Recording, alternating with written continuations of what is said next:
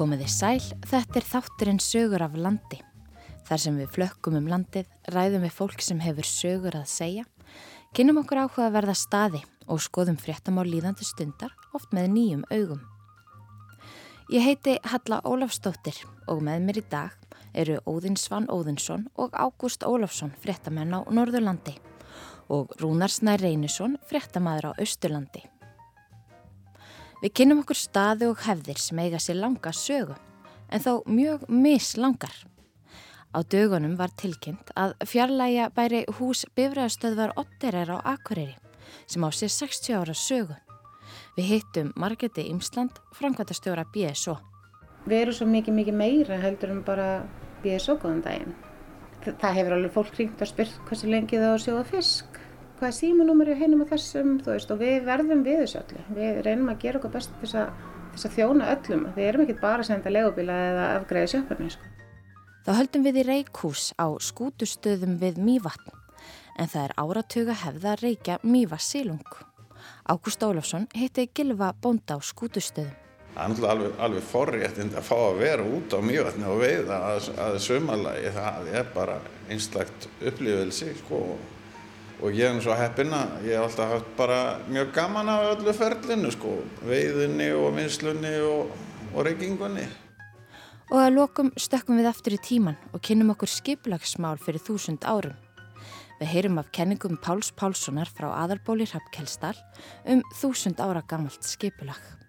Það er skipulagi sem að reyndir landnáma rítinnum stað og uh, landnáma er svo, jú, grundvöldurinn undir því að Íslandingar sögus voru settar saman.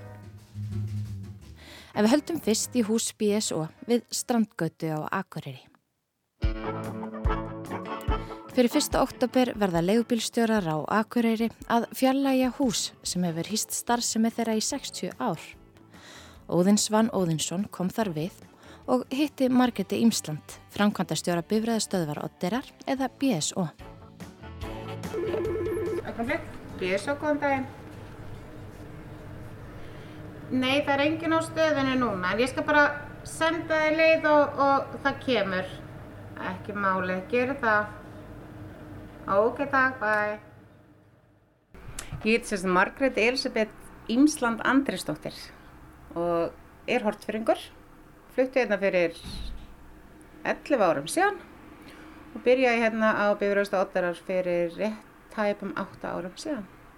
Þetta hús, bifræðastöð Otterar, BSO eins og akkuringar kallir það, eh, þetta hús, það stendur á svolítið tíma mótum þessa, þessa dagan og þessa mánuðina?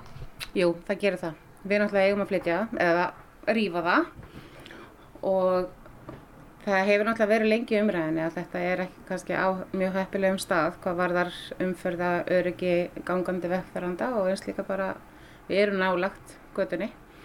Þannig að þetta er alveg búið að vera í umræðinni í einhver ár, eða síðan ég kom hinga allavegna. En nú er allavegna að fara fram á það að við sérst að drífum það og eigum að rífa það fyrir fyrsta oktober, núna í ár. Er það ekki svolítið sorglegt? Svona, ja, þetta, þetta er svona samgróið bæjarmynd akkurir á miðbæjars, finnst það ekki? Jú, mér finnst það. Þetta hefur rosalega sko, mikið menningargildi, finnst mér, við, við sérst að akkuriri. Þetta er eina stöðin á landinu sem er í upprunnulega starfar sem leigubílastöð í dag. Þannig að það er alveg sorglegt að þurfa að rýfa þetta en alveg skiljanlegt líka. En þetta hús, hvað getur sagt mér um, um sögu þess og svona hvenar, hvenar verður þetta til hérna?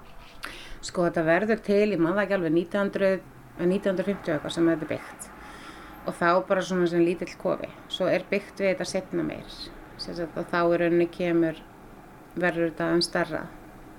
Ég held að þetta sé 65 ára eitthvað sliðis, ekki nógu gammalt til að láta friða það. Þó að það væri kannski hægt að friða það á menningarlegum gildum en samt er það ekki í bóði. Við erum búin að fara þá leiði sko til að aðtöða það. Þannig að það var alveg hugmyndum að bara jafnvel taka það upp frá, frá rótum og setja það annað? Sko það var alveg aðtöðað en það er bara, það er búið að keira á þetta hús nokkur sinnum og það er bara, það myndi aldrei þóla fluttning því miður. Það væri ekki hægt að færa það innar eða neitt svoleiði sko. Það er búin að keira á, á húsið oft. Hefur þú vitnað í það? Já, já, já, alveg nokkur sinnum. Og þá er það aðalega fólk sko keirir á hotni hérna. Og yfirleitt fólk sem er inn á stæðinni hjá okkur og svo keirir það bara svona á hotni. Þannig að það er alveg, alveg búið að gerast oft, oft, oft á mörgsnum. En þetta hús, hvað getur þú sagt mér um það? Hvernig er, hvernig er stemmingin hérna inni? Sko stemningin, hún er alls konar. Þú veist, uh, við erum náttúrulega, við erum, þetta er lítið hús, við vinnum mjög náið öll saman hérna. Við erum, sagt eins og núna, þá erum við 14 legubílstjórar og, og við erum hérna fjórar í afgriðslunni.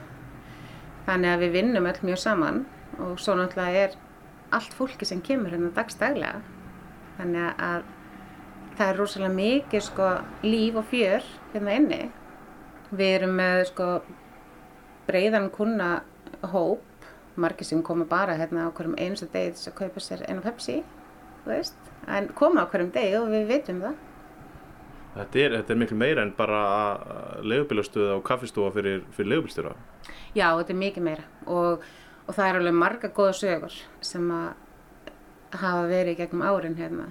Lengi vel að þá kom hérna maður sem átti ekki fjölskyldi hérna bænum og hann kom bara hérna þess að fá eitt knús og alltaf þegar hann kom þá fekk hann knúsið sitt. Hann veslaði aldrei, hann átti aldrei pening en hann kom alltaf þess að fá knús og við gerðum það, við knúsiðum hann og það var ein kona sem að, sem að hérna, gaman að segja frá það, hún hætti að reykja þegar hún var 40 ára.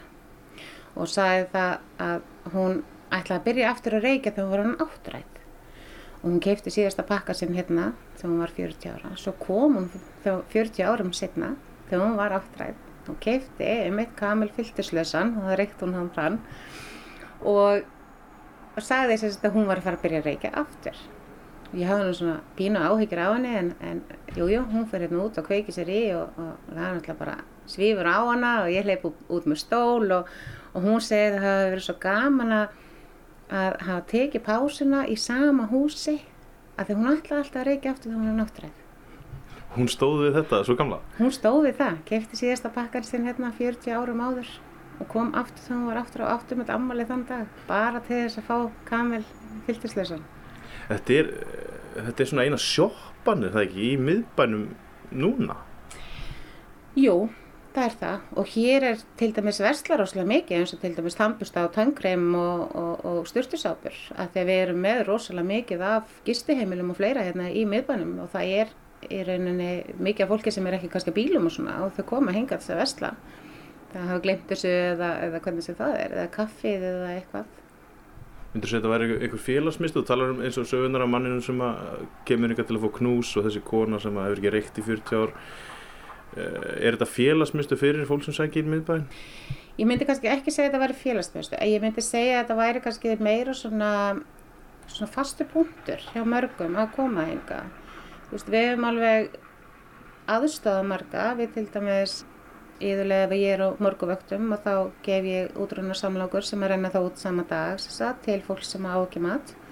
Uh, við hefum hjálpað einstafamæðum með að fá född ef það er að óska eftir því. Við höfum, um, það var uh, heimilislaus einstaklingur sem átt ekki og við rettum honum kotta og, og sænga þegar við vissum að hann myndi búið tjaldi. Þannig að við erum, við erum svo mikið mikið meira heldur en bara erum svo góðan daginn. Uh, þetta er eina sjoppa sem maður getur lappað inn og, og sagt bara þú veist ég er ekkert búin að borða, þú veist er möguleik að fá lánað, þú veist eina samlóku og við verðum við því ef við getum. Ég hef oft sagt að þú veist ég mæti vinn á mótnana, ég veit aldrei hvað ég er að fara að gera, þú veist ég get alveg verið sálfræðingur, ég get verið sko, félagsfræðingur, ég get verið kokkur, þú veist það bara, það hefur alveg fólk ringt og spurt hversu lengi það á að sjóða fisk hvað er símanúmer í heinum og þessum veist, og við verðum við þessu öllu. Við reynum að gera okkur best þess að, til að þjóna öllum, við erum ekki bara að senda legubíla eða afgræði sjöfnum sko. Og svona starfseminirna fyrir mig, verandi akkurýring þá, þá hef ég mestu litið notað hana sko, tengt skemmtanalífinu og komið hérna í röð kannski á djamminu og farið heim það er miklu meira um að vera hérna heldur en, en djammið þó að það sé hápuntur, er það ekki? Jú, við erum nefnilega mikið meira heldur en frá sundarsmotnið fram á, á förstaskvöld sko. Það er margt sem gerist hérna á þeim tíma og bara gaman að segja frá því að það er til dæmis ein, fasta, ein fastakoni hérna sem kemur alltaf með sko pennukökur einu sinni mánuði til okkar þegar hún bara, henni finnst aðeinslega að koma enga og hún gefur okkur alltaf pennukökur með rjóma.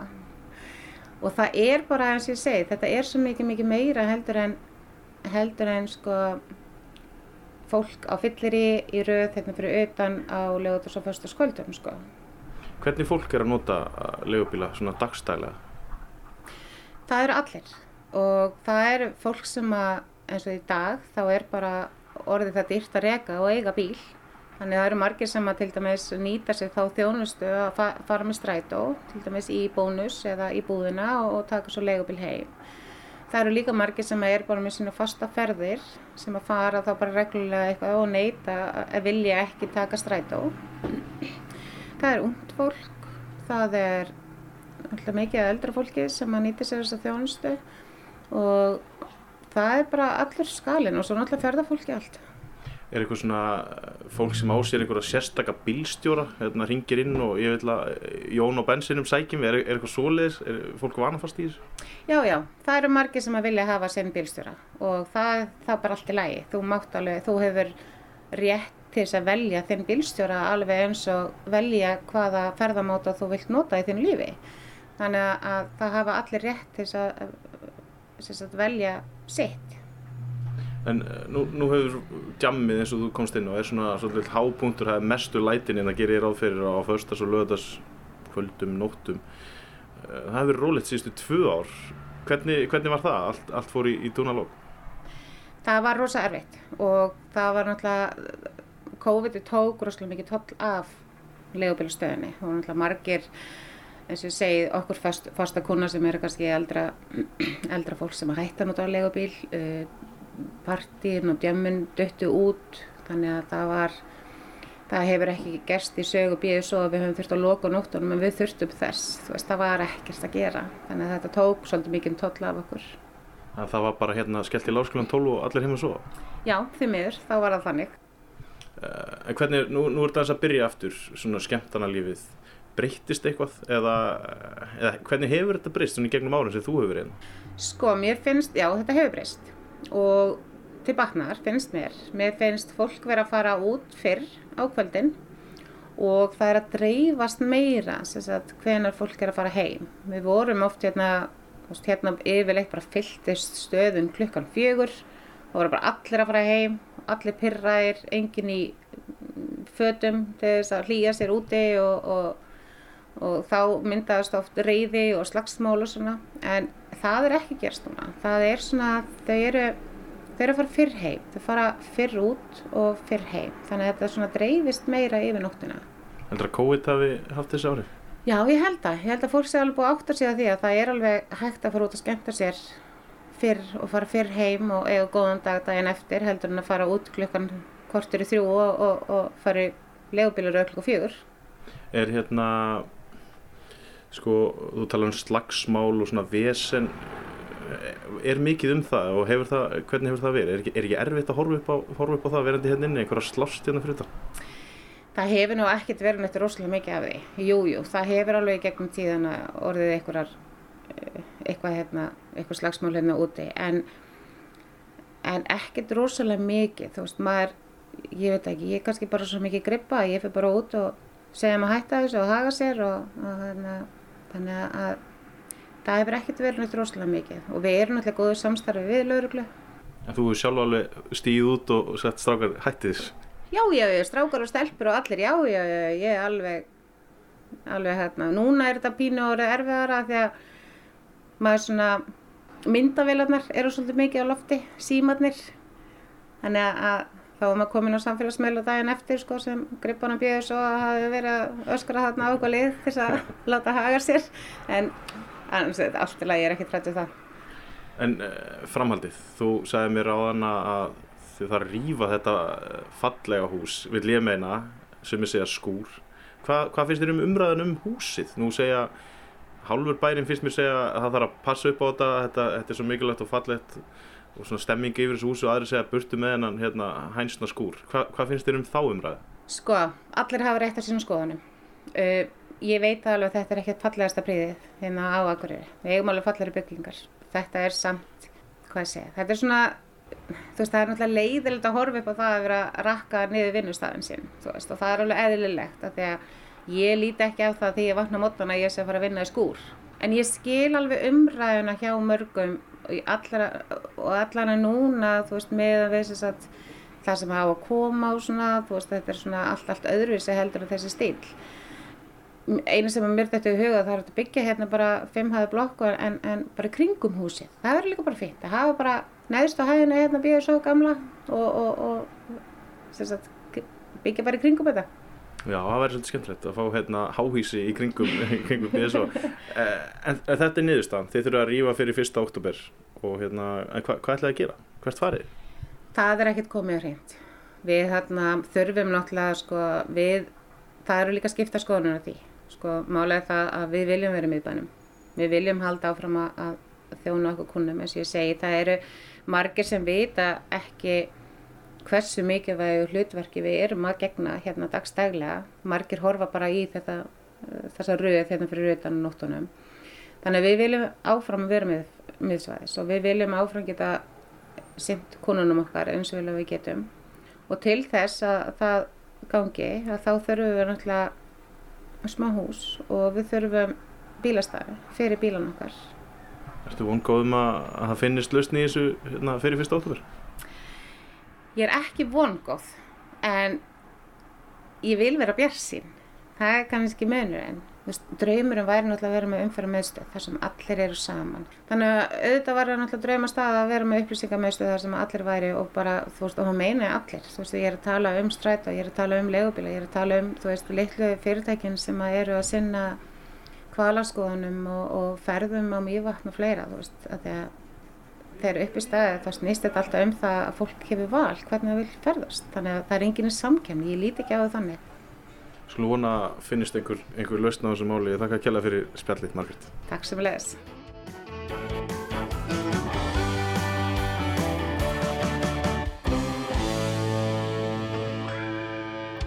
Óðinn Svan Óðinsson rætti við Margeti Ímsland, framkvæmtastjóra BSO, um húsnæði fyrirtækisins við strandgötu, sem nú stendur til að fjallæja. En fyrst kemur vor og með vorinu hverfur ís af mývatni og þá styttist í að bændur fara að leggja neti í vatnið og veiða silung. Það er áratöga hefð fyrir því að reykja mývassilung og þóttur reikhúsum við mývatn hafið fækkaði gegnum árin eru enn nokkri bændur sem hafa atvinnu af að reykja silung og selja. Ágúst Ólason bankaði upp á á skútustöðum og hitti Gilva Bonda sem hefur reykt mývassilung í 40-50 ár.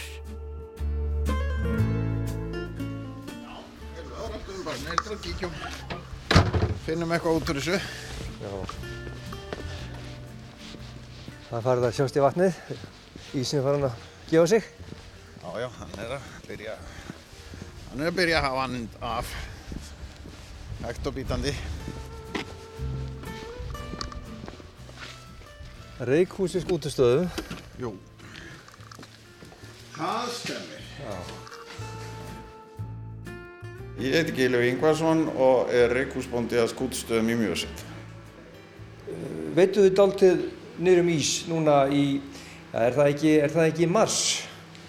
Jú, þessi síðustu ár hefum við verið með vetraviðinni einskorða við marsmánuð og það er kvóti á öllum og það var, það var svolítið nýttur í vetur og vanalega ef það er ekki sko fiskurinn á þessum tíma er hann ekki mikið að vaksa. Það er ekki mikið látað í vatninu á þessum tíma og þar að leiðandi er það yfirleitt þannig að, að það minkar veiðin þegar líður á mánuðin þegar búið er að taka af að því að vex ekki upp í veðanlega stærð.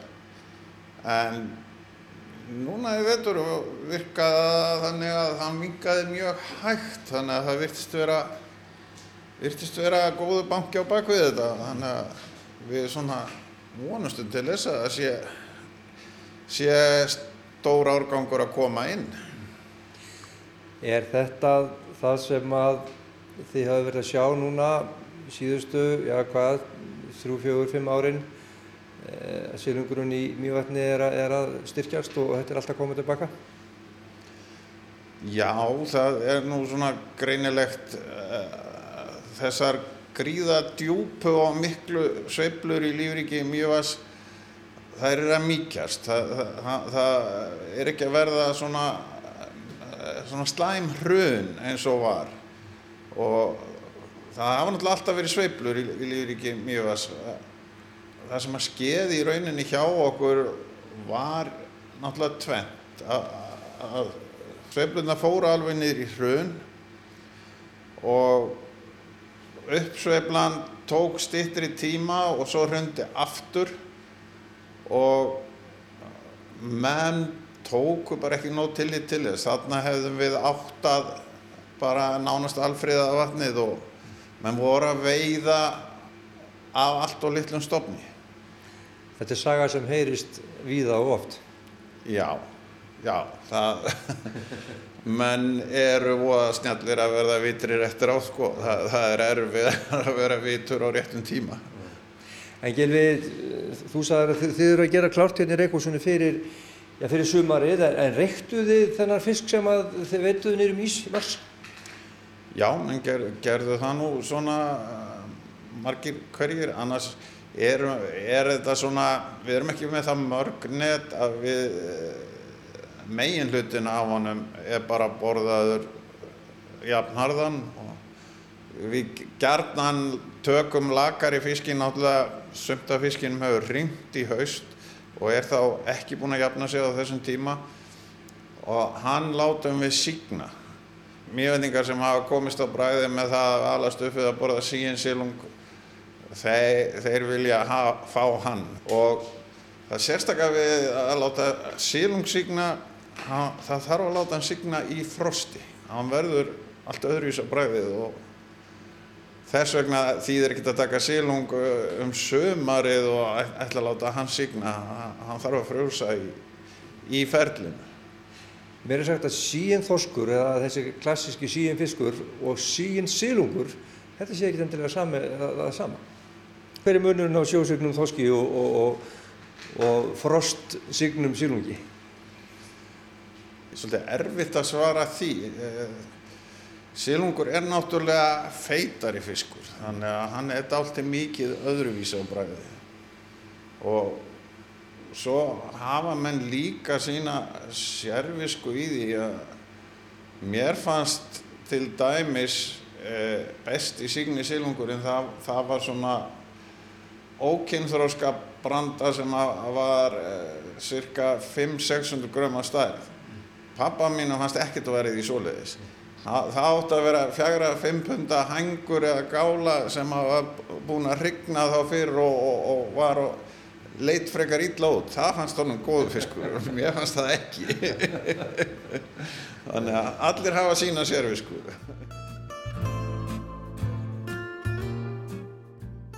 Nú fyrir að vora, ísin á vatninu er á undanhaldi og þá farið þið vantarlega að huga því að að sumarveiðinni.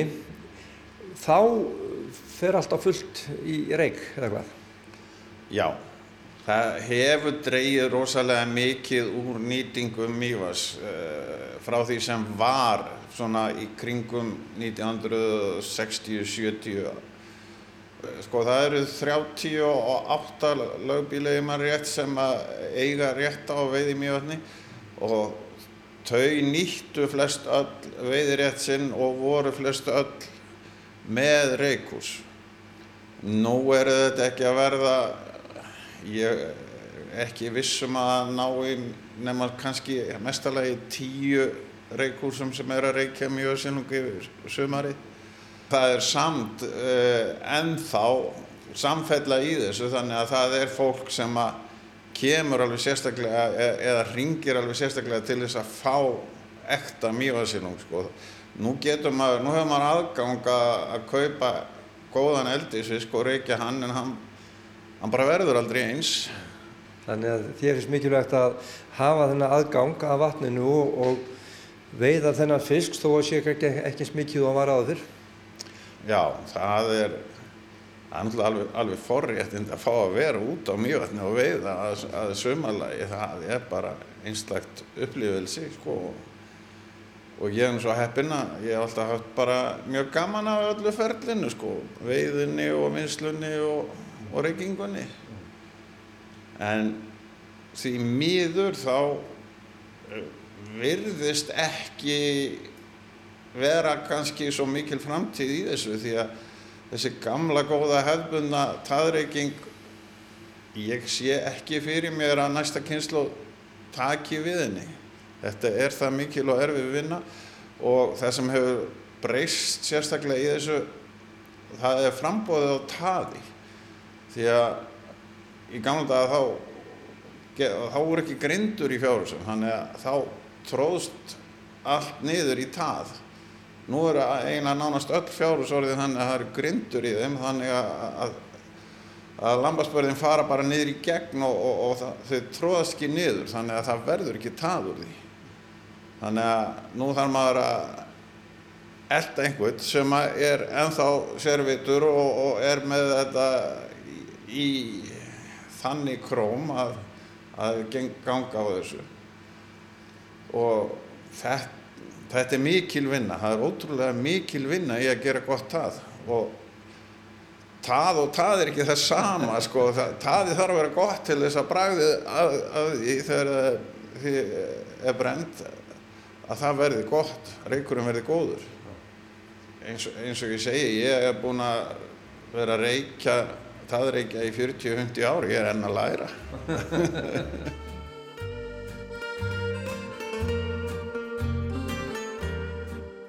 Reikhófin er, er reikhúsi hér fyrir utan hjá okkur og, og þetta er meira vinslan hér eða hvað? Já, hér, hér, hérna slægi maður og, og, og þvær og verkar og saltar og þvær og salti og svo fer þetta út í reikhúsið og þar hangir þetta, sko, við gerum þetta, við höldum í það, gera þetta enn nákvæmlega eins og þetta var gert nema nú erum við búin að bæta við vakuumpökkuninni mm.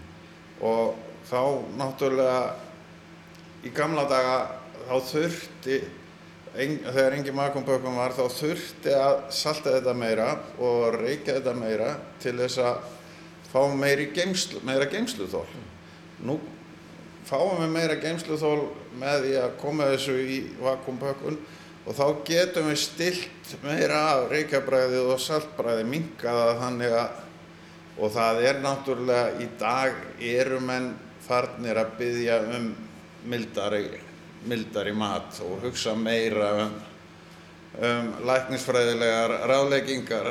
Læknisfræðin mælir ekki með stífreykingu og, og miklu salti. Þannig að þið eru kannski að reykja þetta létt reykja fyrir suma og, og þingra fyrir aðra eða hvað? Já og, og menn eru farinir að minga kannski magni sem þeir eru að reykja og, og halda betur utanum þetta. Sko, ef þú ert að, ert að reykja á, á sömu ráni bröndu sem er 1 pund og aðra sem er 6 pund það bara passar ekki saman. Þú þarfst að sortir þetta svolítið og já, handvinna þetta allt saman meira dedu við þetta myndu gónlumenninni segja.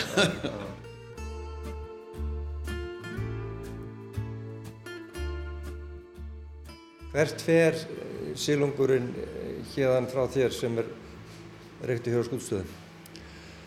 Hann fer nú bæði á hótelni hérna í kring og þegar að kemur þessi veiði, þetta veiðtímanbili yfir sömari þá eru vanalega þó nokkri búin að senda SMS eða e-mail eða, eða ringja og leggja inn pantanir og, og, og þá tekum maður það til og sendir þeim sko. Þannig að ég reiki allt árið, ég reiki þá e, döðutímana þegar ekki verið að veið í mjög, þá, þá kaupi ég eldisík og reiki hann. Þannig að ég er allt, alltaf reikjandi til þess að menn hafi alltaf aðgang að ráfni hérna. Mm. En e, þessi ekta mjöðsilungur, hann, það er alltaf set- setið um hann, hann fer yfirleitt ekki í búðirnar og ekki í hótelin sko, hann, það eru bara þessi kúnar sem koma við hjá manni og þessi sem maður ringja og panta sem komast í hann. Svo eru aðrir sem hafa komist upp á lag með þetta og, og ég hef svolítið gert eh, í þó nokkuð mörg ára að reykja fyrir eh, sportveiðmenn og þannig komast þeir upp á bragðið. Og svo eru þeir óðalega margir komnir í að veiða og sleppa. Þannig að þeir hafa ekki fisk láta reykja fyrir sig og, og þá vilja þeir ekkert nema viltan fisk. Þá, þá ekki nefna á að fara að borða eldisfisk. Það er bara svoleiðis. Hvernig er það fyrir þann sem að þekkir ekki til? Ef þú myndir leggja fyrir mig hérna reyktan sílung, myndi ég finna það strax eh, samanburðin eldisfiskur eða náttúrulegur sílungur á vatninu, báðir reyktir? Ekki endilega sko ef að þú ef, ef, ef þú værir ekki búin að að prófa þessa vöru nokkru sinnum áður sko.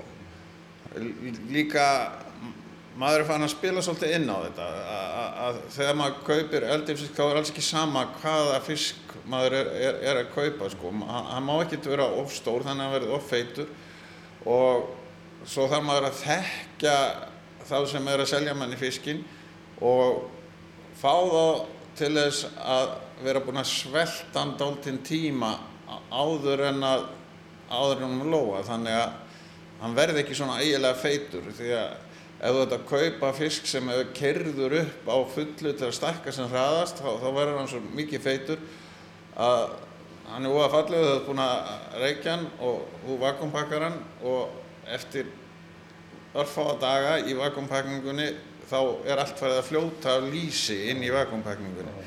Það er ekkert voða listugt nefnilega. Hvenar ferðu að, að huga nettónum og, og hven heldur getur farið að leggja núna á vatninu? Keppikepli er ekkert endilega að byrja strax að því að eins og ég sagði við erum allir með kvóta þannig að við megum bara leggja vistmörg net í vistmarga daga. Þannig að það er voða gott að fara svona rólega stað og fylgjast með hvað, hvað fiskurinn er feitur eftir veturinn og um leið og að hann fer að fá meira æti sem að kemur með hækkandi sól þá koma bæði fleiri krabbadýr í vatnið og, og, og, og flugur og, og áta og það, þá verður hann betri. Það er það sem að máli snýst um að vera bara með góða vöru sem er framar öðrum. Já, já, eru kúnarnir farin að ringja? Er, er, er stór hluti af, af veiði sumansins af reyktum sílungi bara farin nú þegar? Kúnarnir eru farinir að ringja, já, og, og, og það sem að ég veiti í mars og reykti, það er allt farið. Þannig að það horfur bara ágætlega. Og það var verulega gaman að því síðasta sömur hvað, hvað Íslendingurinn ferðaðist miklu meira innanlands. Þannig að það, það var mjög mikið reynsli hérna hjá okkur í, í fyrir sömur. Þannig að það er nú spáð góð í, í varandi ferðamannasumari þannig að þið er vantilega vona mörgum sem að kíkja hérna dyrnar og kaupa sér sílung. Já, við, ég trú því að það verði bara fínt sumar hjá okkur hérna. Ég held það hljóta að vera. Takk kærlega fyrir þetta Gilvi og, og hérna gangi vel. Takk sem leiðis.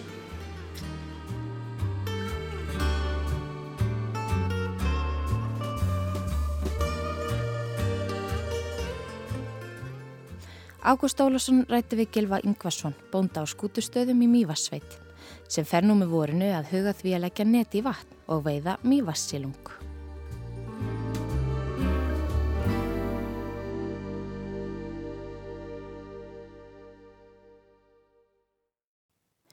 Þá höldum við austur á land. Páll Pálsson frá aðalbóli Hrafkjelsdal hefur smíðað kenningu sem hann kallar þúsund ára skipulag um að landnámsmenn hafi skiplagt byggði í landinu og skipti í framleiðslu einingar. Skipulag sem þeir fluttu með sér og aðlöguðu og þróuðu til betri vegar. Rúnar Snær Reynisson rætti við Pál og fór með honum þúsund ár aftur í tíman.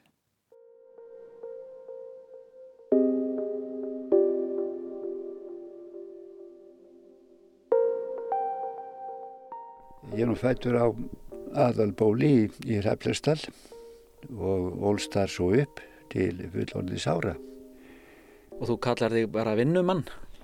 Já, já, ég, mér finnst alltaf að ég hafi bara verið þannig. Ég þetta, lendi svo út í það að, að fara fást upp pípulagnir en ég lærði það aldrei nema bara það sem ég gæti lært af þeim sem ég var að vinna hjá.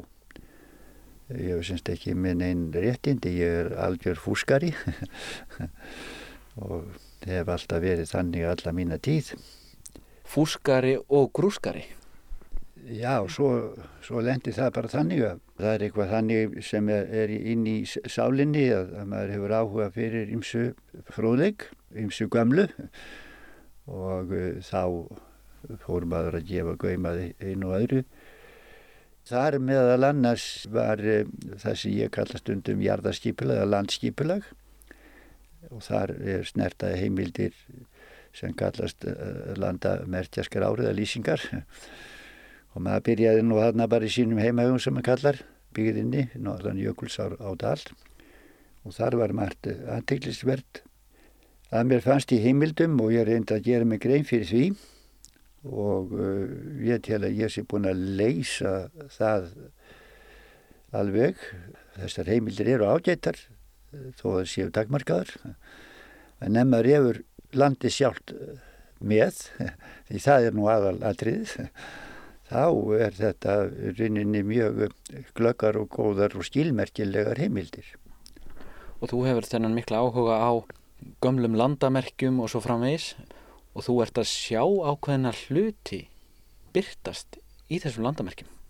Já, það komið þarna fram örnefni sem eru þarna í jökuldaseiði sem voru forvittnileg. Það eru svo kallað þrývörður og örnefni sem er kend er við þrývörður eins og þrývörður háls og þrývarna fjallgarður og uh, þá kom það í ljós að þessar vörður eru nú rýninni við líði endan dag í dag og þær voru við eh, umferðar leiðir um landið voru þannig staðsettar. Og uh, það uh, var mér ljóst af svona hinn og þessu grústi um þessi nöfn þrývörður og lýritti sem tengjast slíku að það tengdist þessu forna skipulagi frá því að það var sett niður í landið og það er mín skoðun alveg bjargföst orðin að uh, þetta er á upprunnarsund fyrir þúsund árum síðan og þetta er landnámsfólkið sem gerir þetta. Sem að býr til þessar þrývörður og hvaða hlutverki þjónuðu þær? Þær eru lögformlegir gerningar það er svo engjörlega þetta þetta er sko aðferðafræði á sínum tíma. Allt gerðist uh, út í landinu. Merkin eru sett nýður í, landið og uh, frágangur á þeim og það verður að hafa það í huga að þetta kemur fólkið með í farteskinu sem nefnur hér land og gengur frá þessu skipulagi. Þess vegna er þetta mjög þýðingar mikið örnefni, þau segja mikla sögu. En uh, nú tíma fólk veit náttúrulega ekkert um þetta. Það gónir alveg á mig þegar ég tala um uh, þetta fyrir bara í lýriti og en þá meira þegar ég tala um náttúruleg lýriti því þau eru líka til varðandi þetta skipulag. Og þá er fólkið að taka reyna að láta landið nota það sem er í landinu fyrir til þess að leiða merkinn eftir slíkum glöggum umhverfislegum kennileitum sem er ekki nokkur leið að við að fengja en það er hægt að færa manngjörðar vörður til og frá en þessu var ekki hægt að haka og þetta kemur fram hér á mínum heimaslóðum.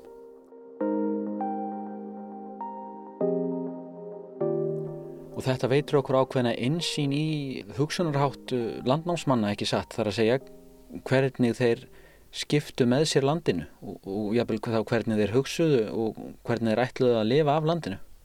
Já, ég held að það sé nöðsynlegt að fara að gefa gauðma þessu skipulagi vegna þess að þetta er algjört grundvallar atriði sögunar og uh, á þessu skipulagi grundvallaðið samfélagið sem við kallum þjóðveldi og uh, ef þetta skipulagi hefði ekki verið fyrir hendi þá væri eitthvað allt annað. Þetta skipulagi er svo þýðingar mikið að uh, fyrir samfélagið að á sínu tíma þá er þetta orsökin fyrir rítun landnámu. Það er skipulagi sem að reyndir landnámu rítunum á stað og uh, landnáma er svo, jú, grundvöldurinn undir því að Íslandingar sögur voru settar saman og ef engin landnáma þá reyngar Íslandingar sögur. Þannig að þetta skipulagi er svona gríðarlega þýðingamikið. Og hvernig heldur þú að menn hafi búið þetta skipulag til, þetta þúsund ára skipulag sem þú eru kallað? Já, það er náttúrulega bara einfalt að sverða því vegna þess að fólki kemur frá skipulögðum og þróðum samfélögum síns tíma og það er að setja það hér nýri landið og ekki meira enn í minna og það getur þess vegna verið orðið háþróa skipulag og orðið meir en þúsund ára gamalt og eitt af fyrirbærunum sem uh, eru alveg við líði fram á okkar daga sem tengjast þessu skipulagi það eru svo kallað lögfestur.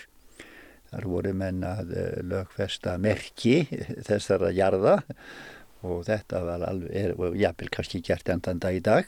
Og þar eru formálar aðtiklisverðir eh, þar sem, eh, sá, sem átt í landi þann lögfesti þar uh, tún og engi, holt og haga, skó og skamviði og svona þetta er, þetta er mjög auðvelt að muna svona klausur.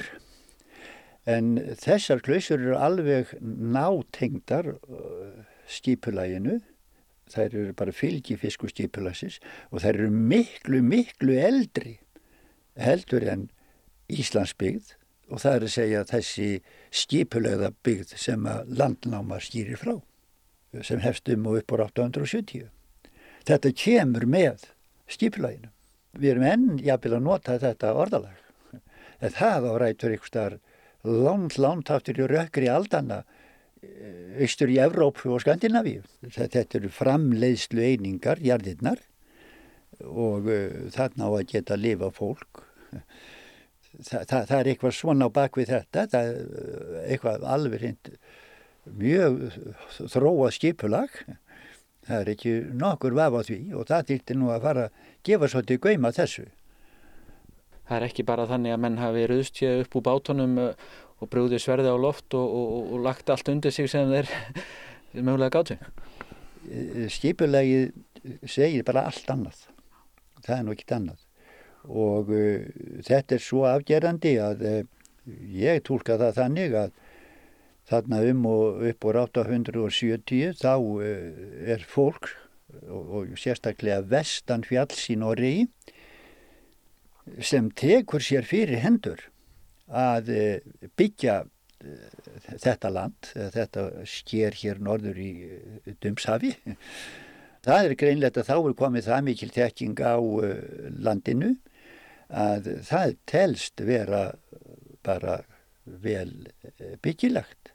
Það, það er enginn á að því á þeim tíma sem eins og veðráttu og haga þannig og þetta fólk sem að, uh, lifði og bjófið að, að ég fannst við svipu skilirði eða hafði svipu skilirði þá myndi þetta vera mjög, mjög svipað hér og uh, þetta er svo afgerandi þannig að það er greinilegt að það eru þetta er bara einhver samtök Ingólfur Arnarsson sem kallaður er þessi fyrsti landansmaður hann er einn á forsprökkunum fyrir þessu fyrirtæki og það er allt landið sem er verið að taka til byggingar og fordleifa fræðin staðfestir þetta. Þetta er ekki svolist að það séu eitthvað verið að, að fykta hér við að koma einhverju byggða og hinga og þanga.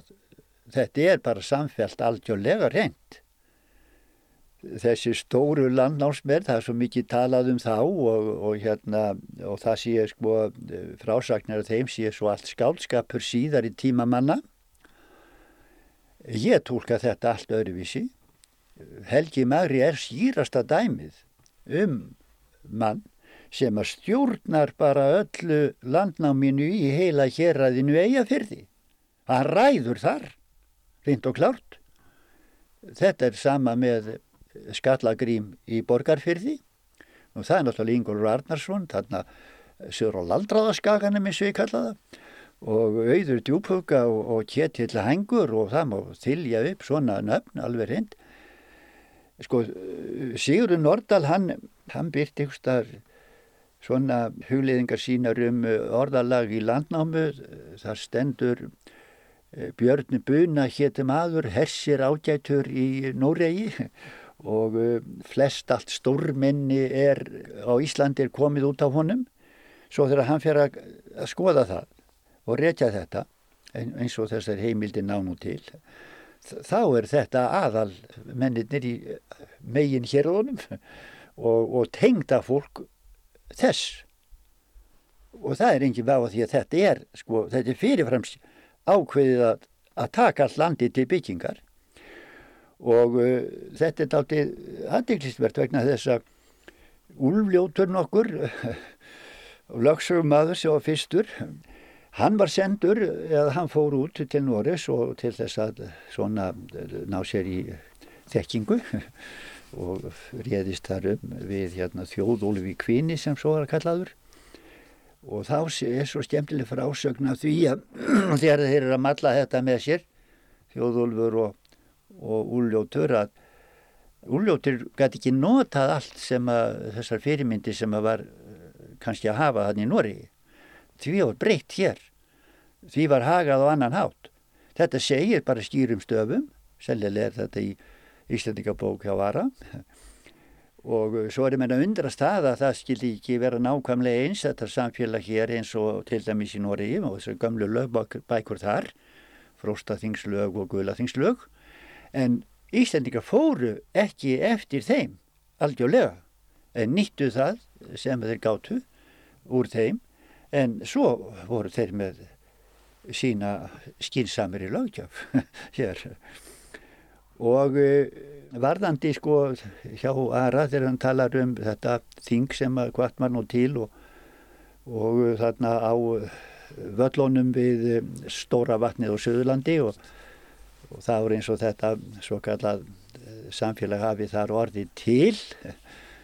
Eh, og eh, eftir leiðis var sem sagt eh, alþingi svo haldi þar og á þessu þingi þá er aðalatriði þess það er að samþykja skipulagið.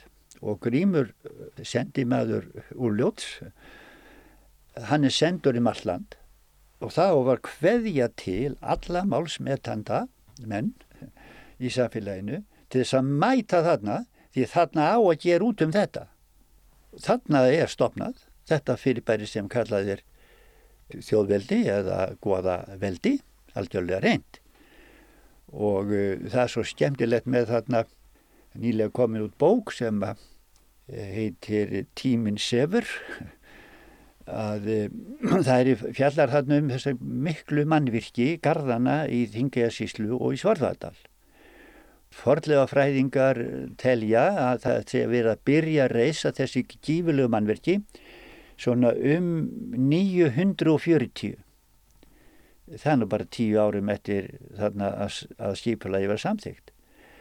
Þetta tel ég að undistriki það sem ég segi um uh, samþygt skipulagsins vegna þess að þá var hægt að byrja á þessu menn rif ekki niður hver fyrir öðrum sko ef það hefði verið þann ef það var ekki ákveði skipula sem farið var eftir já, þá þýtt ekki það verið að koma svona upp menn er það geta sko komið sér saman um þetta. Og skipulagið sem samþýtt er á alltingjum 930 það er algjörlega grundvöllurinn undir þessu. Hvort ég meina minna. Og það má kannski segja að nýja hugsunum sem við erum að kynnast hér gegnum þína kenningu sé svo að menn voru ekki að rekjast hingað fyrir tilviljun eða flýja hingað einstakamenn heldur var þetta einhvers konar skipulagt fyrirtæki að byggja Ísland?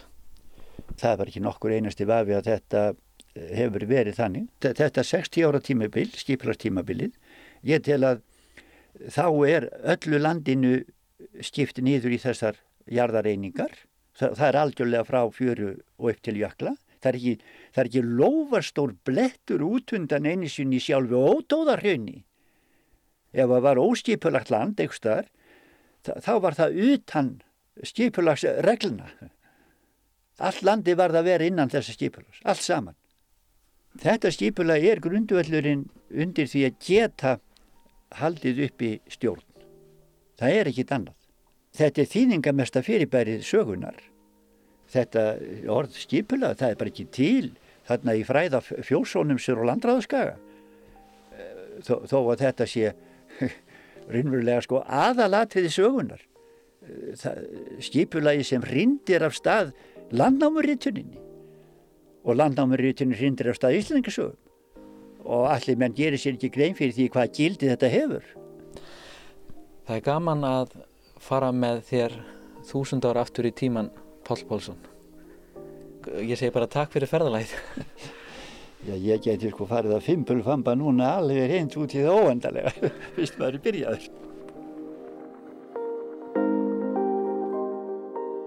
Rúna Snær Einarsson rætti við Pál Pálsson, grúskara frá aðalbóli í Rappkjellstall sem sagði honum frá kenningu sinni um þúsund ára skipulag. En þá kom að lokum hjá okkur í sögum af landi í dag. Auk þess að ræða við Pál Pálsson heldum við í Reykjús á skútustöðum í Mývarsveit á samt Gilva Yngvesinni og í hús BSO á Akureyri þar sem rætt var við Margreti Ímsland. Tæknum að þáttarins var Lítiða Gretarstóttir. Við þökkum þeim sem hlýttu, lifið heil.